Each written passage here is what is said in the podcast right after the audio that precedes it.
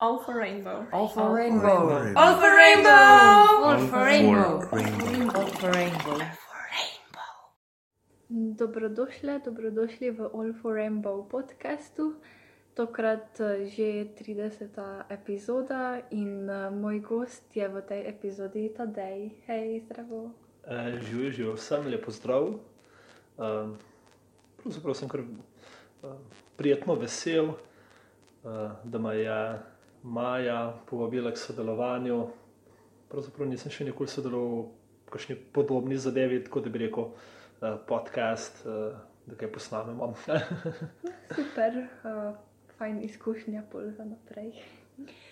Um, ja, um, mi dva se bomo pogovarjala malo o LGBTQIA plus skupnosti in uh, katoliški veri in kako to um, se povezuje skupaj, uh, kdaj ne. Tako da mogoče lahko začnem s prvim vprašanjem in to je, s kakšnimi izzivi se soočajo osebe iz LGBT plus skupnosti, ki so tudi del katoliške skupnosti. Ja, morda je um, pogosto krat tista prva, prvo vprašanje marsikoga. Prosim, ti si veren, pa si gej uh, ali pa karkoli drugega. Kako gre to skupaj? Mislim, se ne gre to skupaj. Ampak uh, verjeli ali, ali ne, zadeva gre čez dober skupaj. Morda je nekoliko svojstven paradoks, če lahko temu tako rečemo, uh, ker doživljamo seveda nek poseben mm, odziv crkve do LGBT oseb, uh, po drugi strani pa se mi zdi, da je morda tudi um, ena taka težava, da je pač LGBT skupnost sama uh, velikrat prevzame neko obrambno držo in morda nekoga, ki je recimo veren, ne razume ali pa ga na nek način zasmehuje, zato ker je, zato ker je veren, ne pa naj bo to na vse zadnje.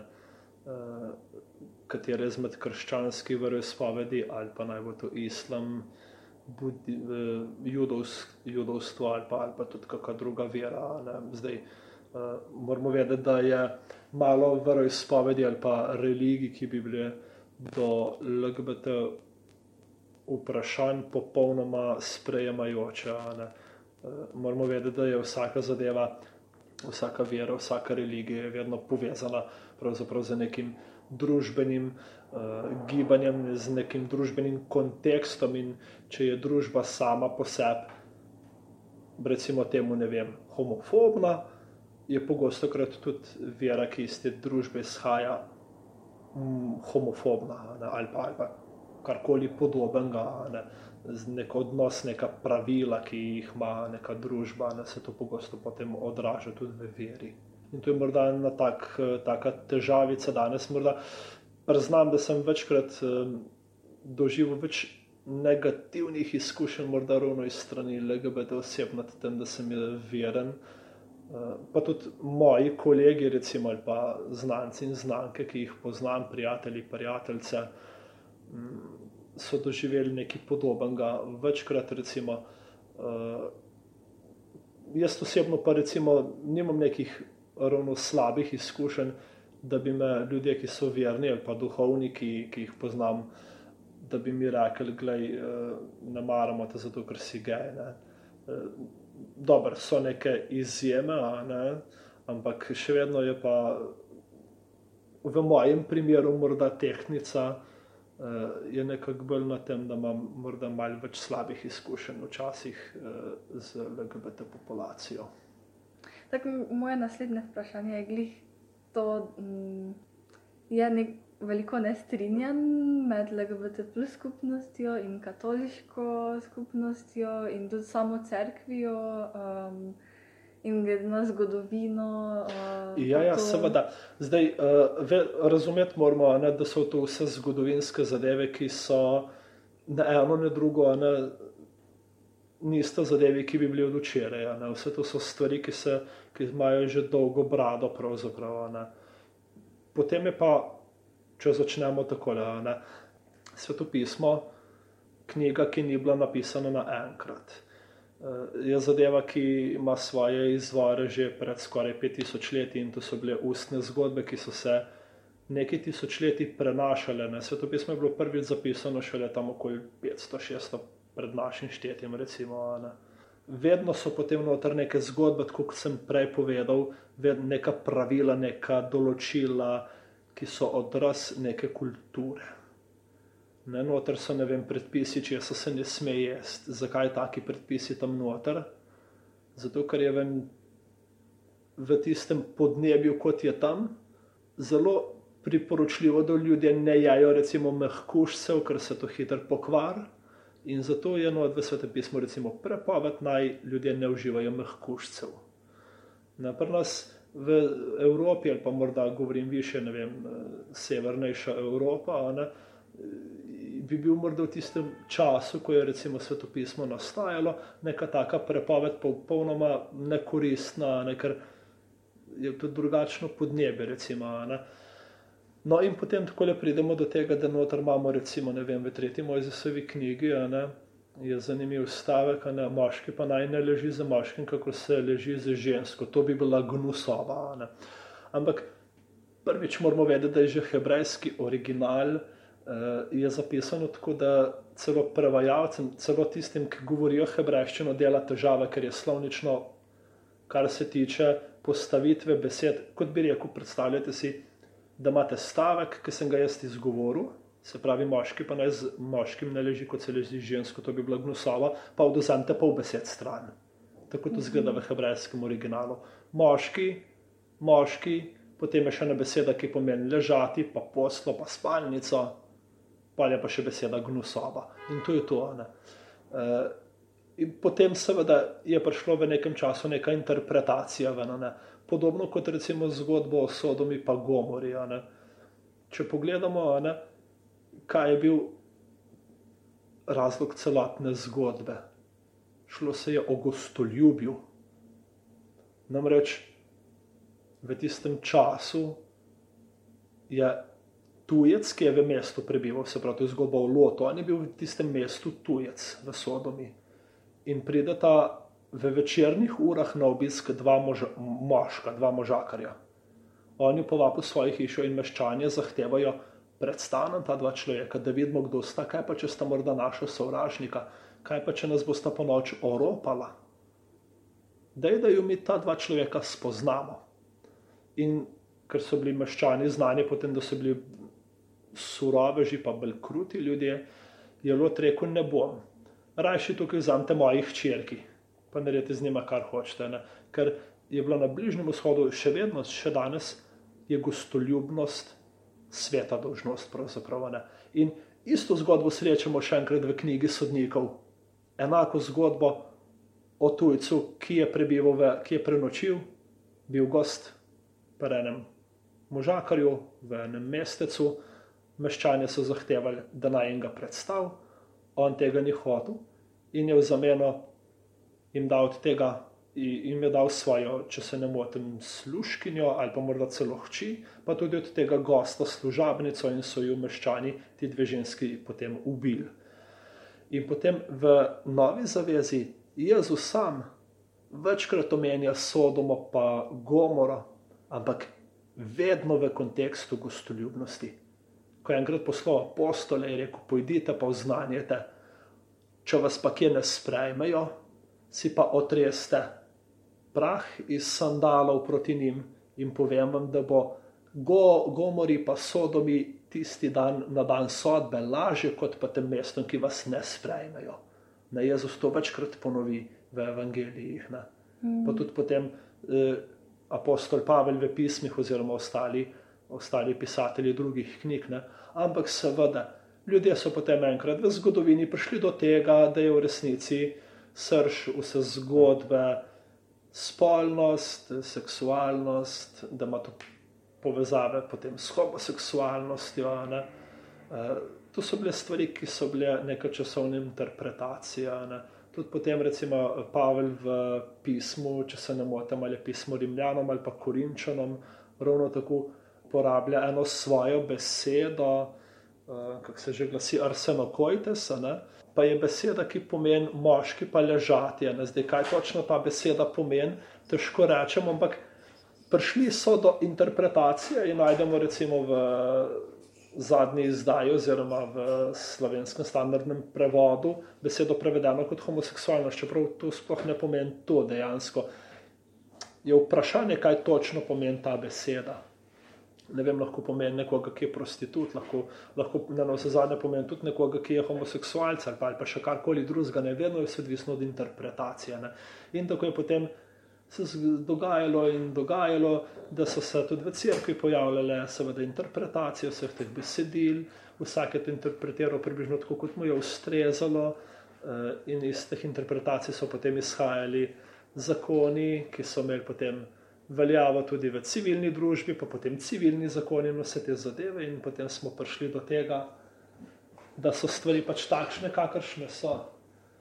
In recimo zanimiv je primer, v islamskem svetu, ki je bil do homoseksualnosti zelo odprt, vse do prihoda Britancev na Bližnji vzhod. Potem so se stvari pa spremenile ne? in danes recimo vidimo, kaj počnejo tam z LGBT osebami. Ne?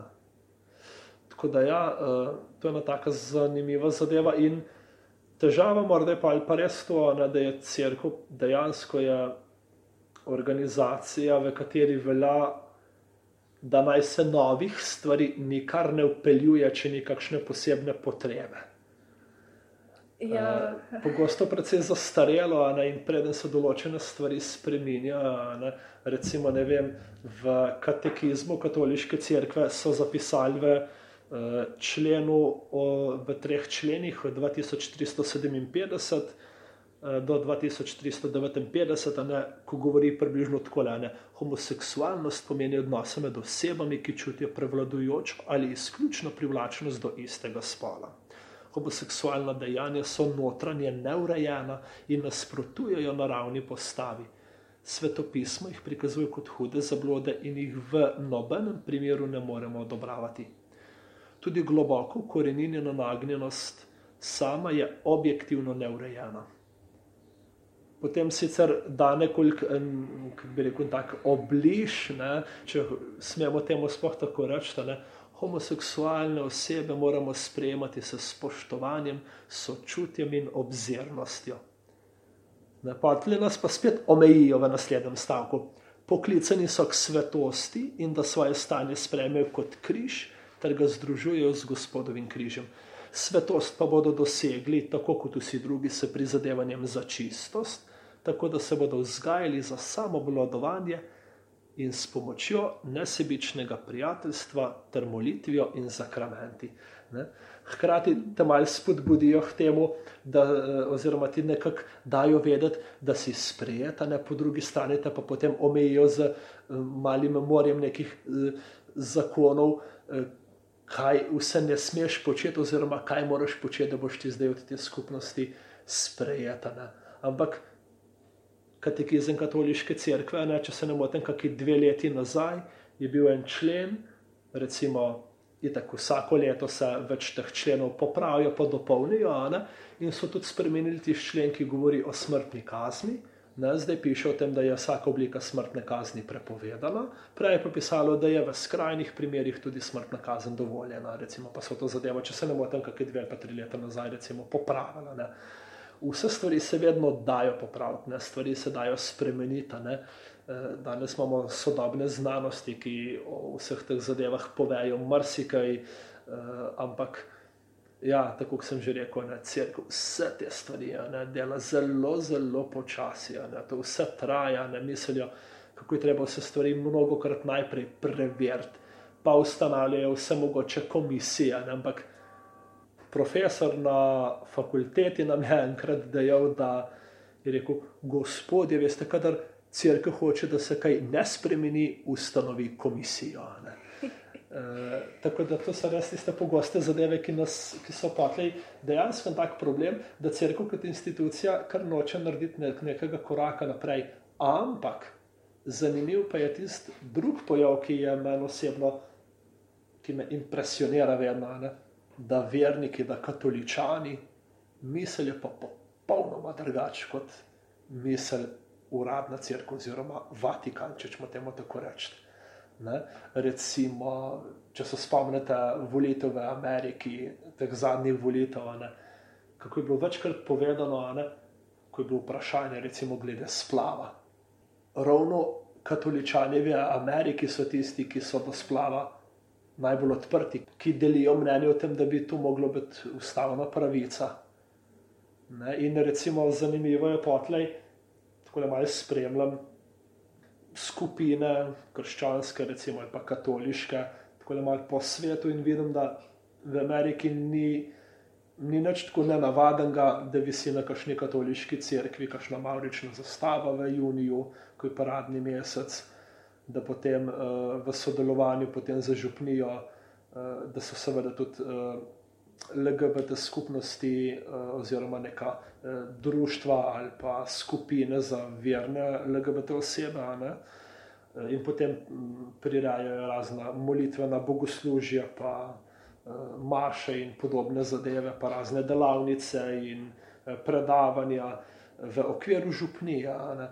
Tako da to me je kar nekoliko fasciniralo, sploh recimo, ne vem, frančiškani pa jezuiti so kar dejavni na tem področju, sploh recimo ne vem, zna nekoliko bolj poznanja uh, Pater James Martin, uh, ki ima precej um, odprt pogled na, na vprašanje LGBT skupnosti, LGBT oseb.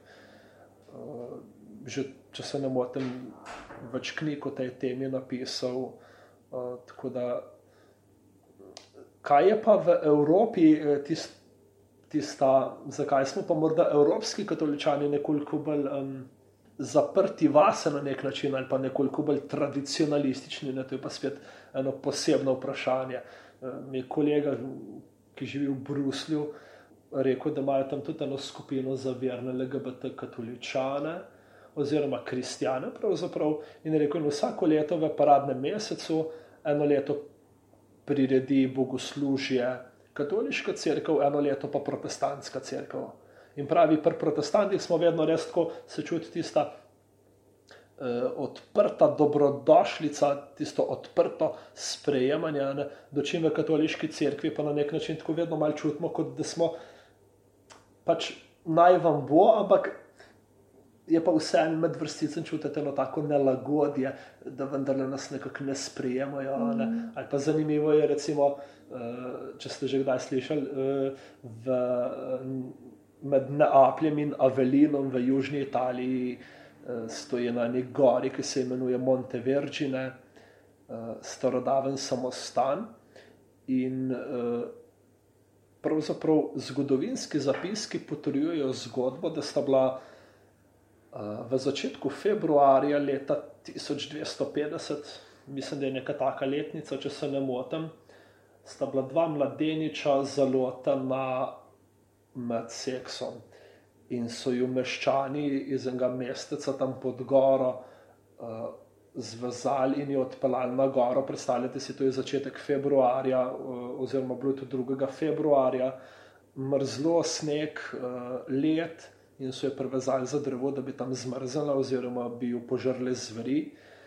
In uh, potem zgodba naprej pripoveduje, pač, da sta ta dva mladeniča molila k Mariji, in iz uh, oblačnega neba je skozi oblake posijal močen žarek, eh, ki je otopil let pa sneg, ki jo je v tem času prekril in prežgal tiste vrvi, da sta bila srečno rešena, in vse od tedaj je pravzaprav v tistem kraju navada, da na goro 2. februarja romajo zelo veliko LGBT oseb oziroma moških, ki so oblečeni v ženska oblačila. In to je eno posebno romanje, odvija se peš ali pa gredo gor z vozovi, ki jih vlečajo voli in se potem na gori po Marši odvija, tam na gori je zdaj benediktinski samostan in se tam na gori odvija poseben obredni ples s posebnimi pesmimi, ki jo pevajo uh, Marijo na tej gori, uh, ki jo pevajo tudi ta čudež uh, in so to pak obredni ples ob spremljavi tamburinov. Ne? In zdaj v zadnjih letih pa je bilo nekoliko slišati, da se je opad v samostanu. Um, Nekako ni najbolj všeč, da se ta zadeva odvija. Ne?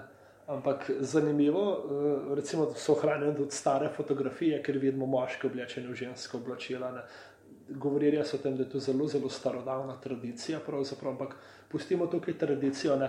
Vidimo to po eni strani, verniki, ki so precej sprejemajoči, po drugi strani pa recimo uradna crkva ali pa više osebe, ki imajo pogosto krat, pogosto krat jih je strah, imajo nek strah v sebi pred tem. Zdaj bi tudi sami sprejemajoči, ampak tako na štiri oči, da bi to pa javno recimo povedali ali pa mm. uh, skušali stvari recimo spremeniti, je pa večino preprosto preveč strah, uh, ker ima crkva na vse zadnje uh, Eh, precej učinkovite metode, kadar je treba nekoga kaznovati. Kako hitro se zna potem uničiti človekovo dobro ime, ali pa se ga da degradirati, ali pa eh, kako drugače pravzaprav kaznovati. In logično, vsak se boji eh, neke kazni. Ne. Ja, um, malo si že odgovoril, ampak še imaš mogoče na ideji, kak razlog, zakaj eh, rimsko-katoliška crkva ima tako odpor do LGBT plus oseb? Je pa zanimivo vprašanje. Pravzaprav um, v zgodovini ni bilo vedno tako. Je ohranjenih precej verov, ki govorijo čez drug, drugo zgodbo. Ne? Pravzaprav bi lahko z vsem skupaj začeli že kmalo po nastanku, eh, ali pa lahko rečemo že kmalo po smrti Jezusa. Namreč um, jaz občudujem spise enega starosirskega uh, pisatelja Afrata. Pri teh spisih je tisto, kar je najbolj zanimivo, to, da ugotovimo, da ta možakar ni poznal grške filozofije. In je o teh stvarih pisal res kot nekdo, ki je doma iz tistega področja, kjer je bil doma Jezus ki je te stvari res gledal skozi oči, lahko rečemo, juda ali pa kristjana, ki nima nikoli stika z filozofijo oziroma z grško mislijo. Namreč ta misel o naši, kako bi rekel, o tej. Um, Ta puristična misel, da mora biti vse uh, čistost, pa uh, spolnost odstranjena, pa vse, kar je telesno, je slabo. Ne? je pravzaprav nekaj, kar smo katoličani uh, prejeli od Grkov, od stojkov, to je stojiška filozofija. Um, in to je ena težava, ki se je potlej noter urinilo. Ne. Že recimo Pavel, apostol Pavel, ki nam je zapustil kar nekaj spisov. On je, bil, on je bil doma iz star, zato je bilo na mesto v Grčiji oziroma tam na uh, današnji Turčiji, ma, no, tukaj nekaj na Bližnjem vzhodu, ampak on je bil rimljan, on je bil grško izobražen, on je znal tekoče grško, eh, znal je, eh, filozofija mu je bila domača in se je tudi on te miselnosti recimo vzel, ne? ker misel recimo o celibatu, to je judom nekaj popolnoma nelogičnega. Ne? Jezus pa celibat, ne? to je za juda totalna, totalni nesmisel. Ne? pri ljudih je to, da imaš ti potomce, ne to velja tam za blagoslov. Več potomcev imaš, bolj, bolj si blagoslovljen od Boga. Ne? In uh, potem je recimo en prvi tak pisatelj, ki je s to grško uh, stoično filozofijo nekako močno okužen, je sveti Augustin. Pri njemu je bil uh, še en drug razlog, da je bil namreč v začetku manihejc. Manihejstvo je pa pravzaprav nekakšno krivoverstvo, uh, katerega glavno vodilo je pravzaprav dualizem, govor o dveh počeljih, namreč se pravi, da vse to, kar je duhovno, da je dobro, vse, kar je telesno, je pa slabo. Uh, in pravzaprav je pri njemu že problem, ker je potem, tudi ko je postal katoličan, ko je postal duhovnik, pa škof, je določene te nazore iz manihajstva, lahko rečemo, določene poglede, pravzaprav na nek način obdržal in jih pretvoril v, in jih oziroma povzel potle v svojih spisih, ne, naj bo to ne vem o, o Sveti Trojici ali pa o Božji državi v svojih izpovedih, recimo, ki jih piše. Ne. Ampak zanimivo je pa pri svetem Augustinu, ne, ravno v izpovedih piše, mislim, da v četrtem poglavju oziroma v četrti knjigi, o tem, kak je bil v mladosti, kak je imel v mladosti prijatelja. In on potem tam v po mojem, skoraj na kakšnih treh straneh izlije to svojo spoved, kako je on doživel smrt tega prijatelja. Uh, piše, kako mu je bil drag, uh, kako ga je ljubil, pravzaprav, uh, kako je jokal za njim. Ne, piše, niti, recimo, niti za materjo, ko mu je umrla, potem kasneje, ni jokal tako močno, recimo, kot je za njim jokal. Uh, niti recimo potem, ko je, ko je imel, težko rečem, ženo, oziroma bila je neka ženska, s katero imel sina, recimo, ne, eh, pravi, da niti vanjo ni bil tako, ni čutil tako močne eh, naklonjenosti, kot je čutil do tega prijatelja. Tako da se človek vedno malo vpraša, ali je bil ta naš Augustin morda tudi eh, kakšen biseksualc ali kaj podobnega. Pa da je potlej morda iz preziranja do samega sebe še nekoliko bolj povzel potlej to uh, pogled na moralo, na, ravno on je recimo vem, začetnik misli, ne, kaj je za, zakona, ne, zakrament zakona, zakrament poroka. Ne. Je rekel, to je zakrament, ki pravzaprav zakonca posvečuje, ne, pa naredi legalno to, da legalno naredi ta potomce, ne, namenjene temu, da bodo potomci da bodo potomci narejeni brez greha. Ne. Daleč od kakršne koli ljubezni, pa od uh, neke medsebojne naklonjenosti in zaljubljenosti in medsebojne ljubezni, kot danes recimo gledamo na zakrament poroka. Recimo, in ta nazor recimo, je vladal vse do 60 let nazaj, ko so se te bogoslužne knjige spremenile in sama teologija. No, skratka, v nekem času je lahko rečemo tam 8., 9., 10. stoletje, tudi še 11. recimo. Je bila katoliška crkva do homoseksualnosti precej odprta, ne poznamo recimo zgodbe, eh, zapiske, pisma večjih um, crkvenih oseb, škofov, duhovnikov, redovnikov, uh, iz katerih lahko razberemo o tem, da so bili v zvezi, ne, znana je zgodba recimo o Škofu, eh, če se ne motim, Ralfu iz Orleansa, ki je bil posvečen, eh, skratka njegov ljubimec je predlagal njega za Škofa. In nekateri škofi so temu zelo močno nasprotovali, čež da je neprimeren, prvič zato, ker je s tem nadškofom, ki mu je bil pravzaprav nadrejen. Ne, ker je ljubimec temu načkofu metropolitu, po drugi strani zato, ker je premlad, ampak danes pa lahko ugotovimo, da eh, seveda eh, bil je posvečen za škofa ne, v Orleansu ne, in ugotavljamo pravzaprav, da je v precej dolgi karieri ne, bil zelo uh, skrben in modr pastir svojemu ljudstvu. Ne, zgradil nekaj samostanov, eh, več crkva, pomagal ljudem in, in bil v precej, dolgi, precej dolgem škofovanju zelo uspešen škof. Ne, recimo druga zanimiva zgodba, oziroma druga zanimiva oseba je sveti Elred iz Rivoja, to je en samostan v Angliji. Živel je tam približno okoli leta 1290, nekaj tazga, če se ne motim, zapustil nam je več uh, spisov, ampak dva najbolj zanimiva sta ogledalo uh, ljubezni, uh, pa mislim, da je še o prijateljstvu, tako je pa še druga knjiga.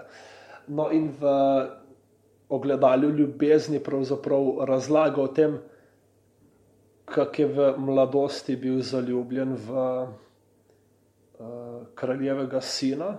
On je bil iz plemiške družine, se je šolal na dvoru, kako se je tam v svojega prijatelja zatraskal, pravzaprav.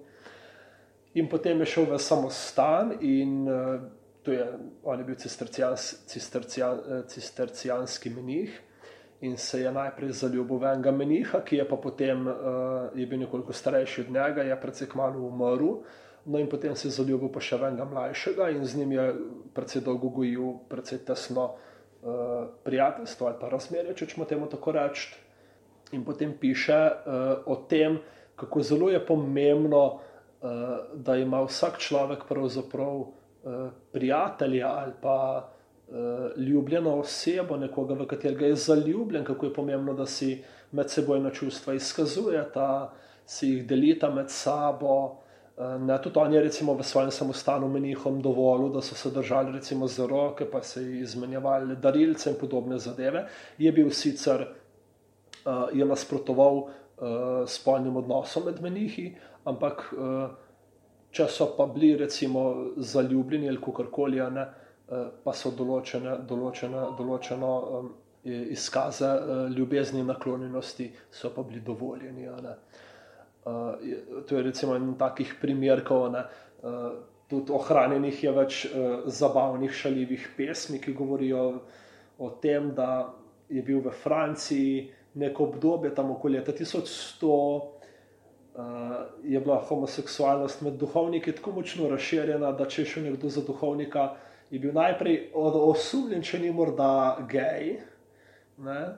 Uh, je bila kar pravzaprav za vse, ki niso bili geji, morda to nekoliko težava, ko so hoteli postati duhovniki, in to je tako nekako tako pogost pojav, no, da, da ni bilo nič nenavadnega. Ne. Ampak potem pa pridemo v neko obdobje, o katerem pa težko pojasnimo, zakaj je začelo prihajati do sprememb.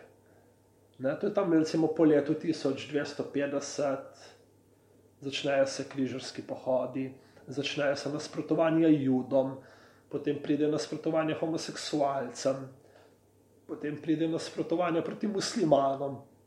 Vse te stvari se v nekem obdobju preprosto začnejo pojavljati. Kaj je razlog tega, pa težko rečem. So bile to, vem, družbene spremembe, ki so se začele dogajati, ali so bila v ozadju neka politična prepričanja, ki so potli izvirali do tega, da je vsakega, ki je politično ali pa bi rekel, eh, vsi tisti ljudje, ki so od večine ljudi drugačni, da jih je treba zdaj prezirati, ker so morda politično nevarni. Ne? Eh, to je pa vprašanje, na katerega ne znam odgovoriti, in uh, bo verjetno, verjetno so bile knjige o tem napisane, ali se je že kaj pisalo, ampak uh, tukaj so vedno, vedno, vedno vprašanja. Težko je ugotoviti, kaj so bili vedno tisti razlogi. E, tako kot sem že na začetku rekel, ne, vera vedno gre skupaj nekako z družbo. Vedno tu neki povezave pridemo na družba, politika. Ne. To je vedno vse tako prepleteno ne. in pogosto je bila vera tista zadeva, ki je bila izkoriščena za, nek, za dosego nekih političnih ciljev.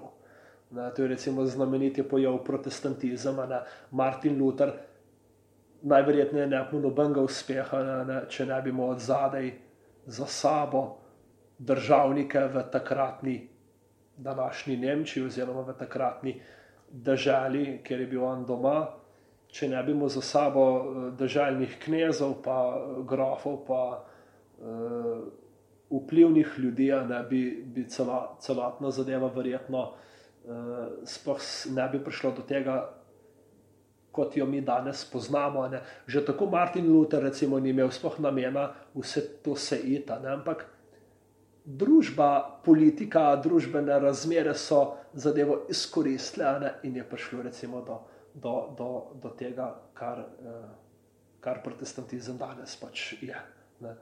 Uh, vedno se neke stvari tako razvijajo, ne, in to, to so vedno neki procesi, težko je priti do, um, do nekega praizvora, da bi rekel, to je pa tisti dogodek ali pa ta trenutek, ki je vplival na vse to. Ne. Vedno je to neka mešanica večjih dogodkov, večjih ljudi, eh, potem je pa seveda potreben na cel ta sod smodnika, ne sem še ena užigalica ne, in potem pride do nekega pojava. Ja. Poznaš mogoče v Sloveniji, uh, kak primer, ko se je crkva tako pozitivno odzvala, ne vem, recimo, ko se je oseba razkrila uh, nekomu v crkvi? Mm -hmm. Ja, zdaj da bi bil to morda kakšen eh, javen odziv ali pa kaj tasga, preprosto ne poznam. Poznam pa veliko oseb, ki so imele pozitivne izkušnje, recimo, ko so se razkrile domačemu ne vem, župniku ali pa v neki skupini. Ne. Poznam veliko LGBT oseb, ki so, ki so še vedno ali pa so bili eh, ministranti oziroma ministrantke, pa pevci, pevke, animatorke, animatori, pa prskavti, pa še različne druge aktivnosti in dejavnosti. In poznam kar nekaj takih, ki so se razkrili in so doživeli zelo pozitivno izkušnjo, recimo tiste skupnosti, eh, tistega, recimo, vem, župnijskega občestva. Tudi jaz osebno imam odlične izkušnje z domačim župnikom, oziroma z domačimi duhovniki, tudi z župnijskim občestvom. Se počutim sprejet in zelo domače. Eh, poznam pa tudi kar nekaj oseb, ki so doživele negativne izkušnje, ne? Včasih od duhovni, duhovnikov, še bolj pogosto pa od laikov, in pravzaprav so doživeli eno zavrnitev in ta zavrnitev je potem vrnila, eh, vodila do tega, da mi rečejo, da eh, ne maram več crkve, eh, pa tisto, kar me morda še nekoliko bolj žalosti, a ne ko rečejo, ne maram niti Boga več. Ne, to je pogosto en tak razlog, zakaj ljudje rečejo, ne maram Boga, ne zato, ker so imeli neko negativno izkušnjo s crkvijo mm. oziroma z ljudmi v crkvi, pa naj bodo to duhovniki ali pa lajki. Ne. Ampak poznam pa tudi kar veliko oseb, ki so imeli pa pozitivne izkušnje. Ne. Ampak tako kot sem recimo na začetku rekel, ne, veliko jih potem čuti, neko, neke, eh, dobi negativni odziv od LGBT skupnosti. In malo je takih oseb, recimo, ki bi bile o svoji veri pripravljene spregovoriti v nekem krogu ljudi, ampak ko je pa z mano na štiri oči, se mi pa odpre in pove svoje svojo zgodbo, kako je on vesel, kako je sprejet, kako se dobro počuti. In uh, sem vesel vsake take zgodbe, ja, ki se zgodi.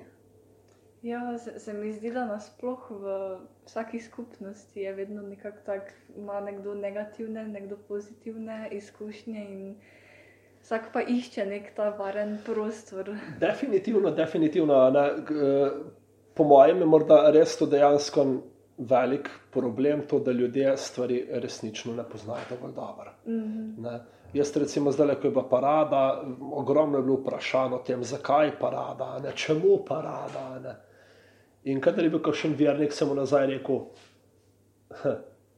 en teden po paradi, ne, v četrtek, to je 11. junija, je bil praznik svetega grešnjega telesa in krvi, ki ga katoličani vedno praznujemo tudi s procesijo, slovesno telovsko procesijo. Sem rekel, gledajte, ali pa naj bo tu veliko nočna procesija, ali pa procesija v, pro, procesija v prošnjih dneh, ali pa ko bo v nebu vzetje, bodo marijanske procesije. Ne. Sem rekel, gledaj, kaj je procesija? Ne? To je vedno neki izraz enega veselja. Takrat se ljudje zberejo skupaj Pogosto se procesije odvijajo ob petju veselih pesmi. Ne. Telovska znamenita pesem pravi: ne, Praznika svetega, danes radujmo se. Ne. Potem ob velikonočni je vse govori o veselju, ne. klic veselja naj v sreči po vsem svetu se ljudi. Ne. Potem marijanske pesmi so tudi vse vedno polnega veselja. Ne. Vse to so stvari, ki izražajo naše veselje o veliki noči naj bo to veselje, ker je Kristus vstal od mrtvih. Potem ob drugih dneh bo to veselje, gledajte, kristijani smo, katoličani smo, tukaj je Jezus med nami, mi se tega veselimo, mi to veselje hočemo pokazati tudi drugim. Ne? In točno to je parada ponosa. To je ena taka procesija, pri kateri mi pokažemo svoje veselje to, da smo ponosni, da smo veseli to, kaj mi smo, kdo smo. Ne? Potem po drugi strani imamo recimo ob Markovem, po prošnjih dnevih imamo prošnje procesije za lepo vreme, pa za dež, pa da bo dobra letina. Ne? Parada je tudi prošnja procesija.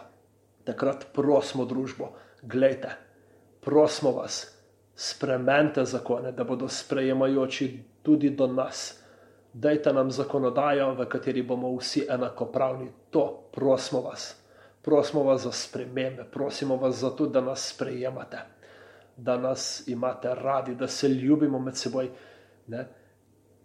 Apostol pravi, lepo reče v enem pismu: Ni ne juda, ne grka, ne moškega, ne ženske, kaj ti vsi smo eden v Kristusu. Hoče povedati, ni pomembno, kaj si, kakšne barve poti, kakšnega spola, kakšne spolne usmerjenosti. Ne na vse zadnje, niti kakšne vere. Ni pomembno, kaj oblečeš, koliko si visok, kakšen jezik govoriš. Glejte, vsi ste ena sama človeška skupnost, vsi ste božji otroci. Ne? In to je tisto, recimo, kar je najbolj pomembno. Ne? Jezus pravi: Ljubi Gospoda svojega Boga in svojega bližnjega, kakor samega sebe. Ne? Pa ga je potem vprašal tisti, ki ga je sprašval, kdo pa je moj bližnji, in je povedal potem priliko o usmiljenem Samarijanu. Kako je Samarijan pomagal Judu, Samarijani pa Judje so bili po tistih časih veliki sovražniki. Ko hoče povedati, da vsi ste ljudje, vsi ste ljudje. Potrebno morate pravzaprav se ljubiti med seboj, biti ena skupnost, spoštovanje, ljubezen, skupnost. Ne? To so tiste zadeve, ki so tako, tako zelo pomembne. Mm. In kaj je skupnost? Ne? ena slamca, komod zlomiš, ampak šop slamc, pa trdno stoji skupaj, ne, ker so povezane. Ne. To je tisto, kar šteje. Uh, še zadnje vprašanje, na koga se lahko LGBT plus osebe obrnejo, ki so tudi verne, uh, recimo tu se na Slovenijo osredotočimo. Ja, pravzaprav ravno te dni je ena moja prijateljica uh, piše magistrsko nalogo in me je prosila, da je eno uh, prošlo imam zate. Jaz sem opazila, mi je rekla, da si enkrat, oziroma da ste enkrat že imeli eno skupinico za verne LGBT osebe, za verne LGBT kristijane. Uh, bilo je to zadeva še pred korono, potem je prišla korona, stvari so pač bile, kakršne so bile. Uh, tudi jaz osebno nisem nisem zmogel takrat vsega, je ta zadevca nekako umrla uh, in je rekla, da je, um, jaz sem ti pripravljena pomagati pri zadevci, če bi bil ti pripravljen, bi lahko to zadevo skupaj. Je rekla, jaz pa pišem magistrsko o LGBT in krščanstvu. Ampak je rekla, ne bi rada napisala neke naloge, ker bi zgolj povzela, kaj pravi katekizem katoliške cerkve, pa crkveni dokumenti ampak rekla, jaz hočem govoriti z ljudmi, jaz hočem slišati njihove zgodbe in pisati o njih. In jaz sem tako njeno prošlo, ona je to meni mal uh, napisala, kaj bi ona, uh, kako bi ona to želela, uh, stopiti v stik z ljudmi, oziroma o čem bo ona pisala. Je rekla, in tada je ti, da je tole mal uh, pošelj na okolj uh, ljudem, ki jih poznaš. In jaz to res lepo razpošljam, in in potem zadnjič pišem, rečem, manjca, imam krasno novico za te, rekla, kakšno. Sem rekel, gledaj, pet oseb je takoj reklo, hočem sodelovati zdraven. Če bo skupinica, da bi se kot skupinca zbrali, oziroma ali bo to intervju ali kakorkoli, jaz želim ti pomagati pri tej magistrski nalogi, recimo. Uh, od nekaterih še čakam odgovor, ampak gre pravzaprav za eno, um, kako bi rekel, uh, dobil sem zopet eno, eno, eno, eno tako spodbudo, uh, da, da bi bilo zdaj zopet um, primerno in prav, da, da znova začnemo s to skupinco. Uh, tako da um, na družabnih uh, omrežjih, ne, uh, jaz mislim, za vse, ki bi to želeli, bodo lahko tam kaj prebrali, oziroma lahko se uh, lahko celotno. Uh, uh, z, oziroma eh, lahko mi pišejo tudi na mail. Potem pišem tudi blog o LGBT pa krščanstvu, če upišajo v Google jonathanlove.com, uh, bodo stvari uh, našli. potem uh, mail je pa lgbt.verni.afnagmail.com, uh, tako da lahko mi tam pišajo, pa če imajo kakršno koli vprašanje, karkoli, če jih zanima. Uh, drugače pa vsakmu priporočam tudi, če bo napisal zgolj recimo, vem, LGBT, katolik ali pa kristjan. Uh, v Google bo dobil zelo veliko enega krasnega materijala, ki, jim lahko, ki mu lahko pravzaprav, ki ji lahko da marsikaj koristnega, veliko je raznih knjig v elektronski obliki, veliko raznih člankov, uh, potem različnih uh, meditativnih besedil, pa molitev in podobno. Tako da, pravzaprav pa ja, upam, da se bomo tudi tale skupinca, da bomo to znova čim prej začeli. Tako da, ja, zgolj še malce poguma, pa držite malo pesti, pa molitvene podpore bomo tudi veseli. Pa ko bo zadeva prišla ven, da se stvari udeležite. Tako da, uh, ja. Super, uh, zdaj hvala, da si bil moj gost. Um, s tem zaključujem ta, to epizodo in se slišimo v naslednji epizodi. Čau! Čau, hvala tebi. All for rainbow. All for rainbow. All for rainbow. All for rainbow. All for rainbow.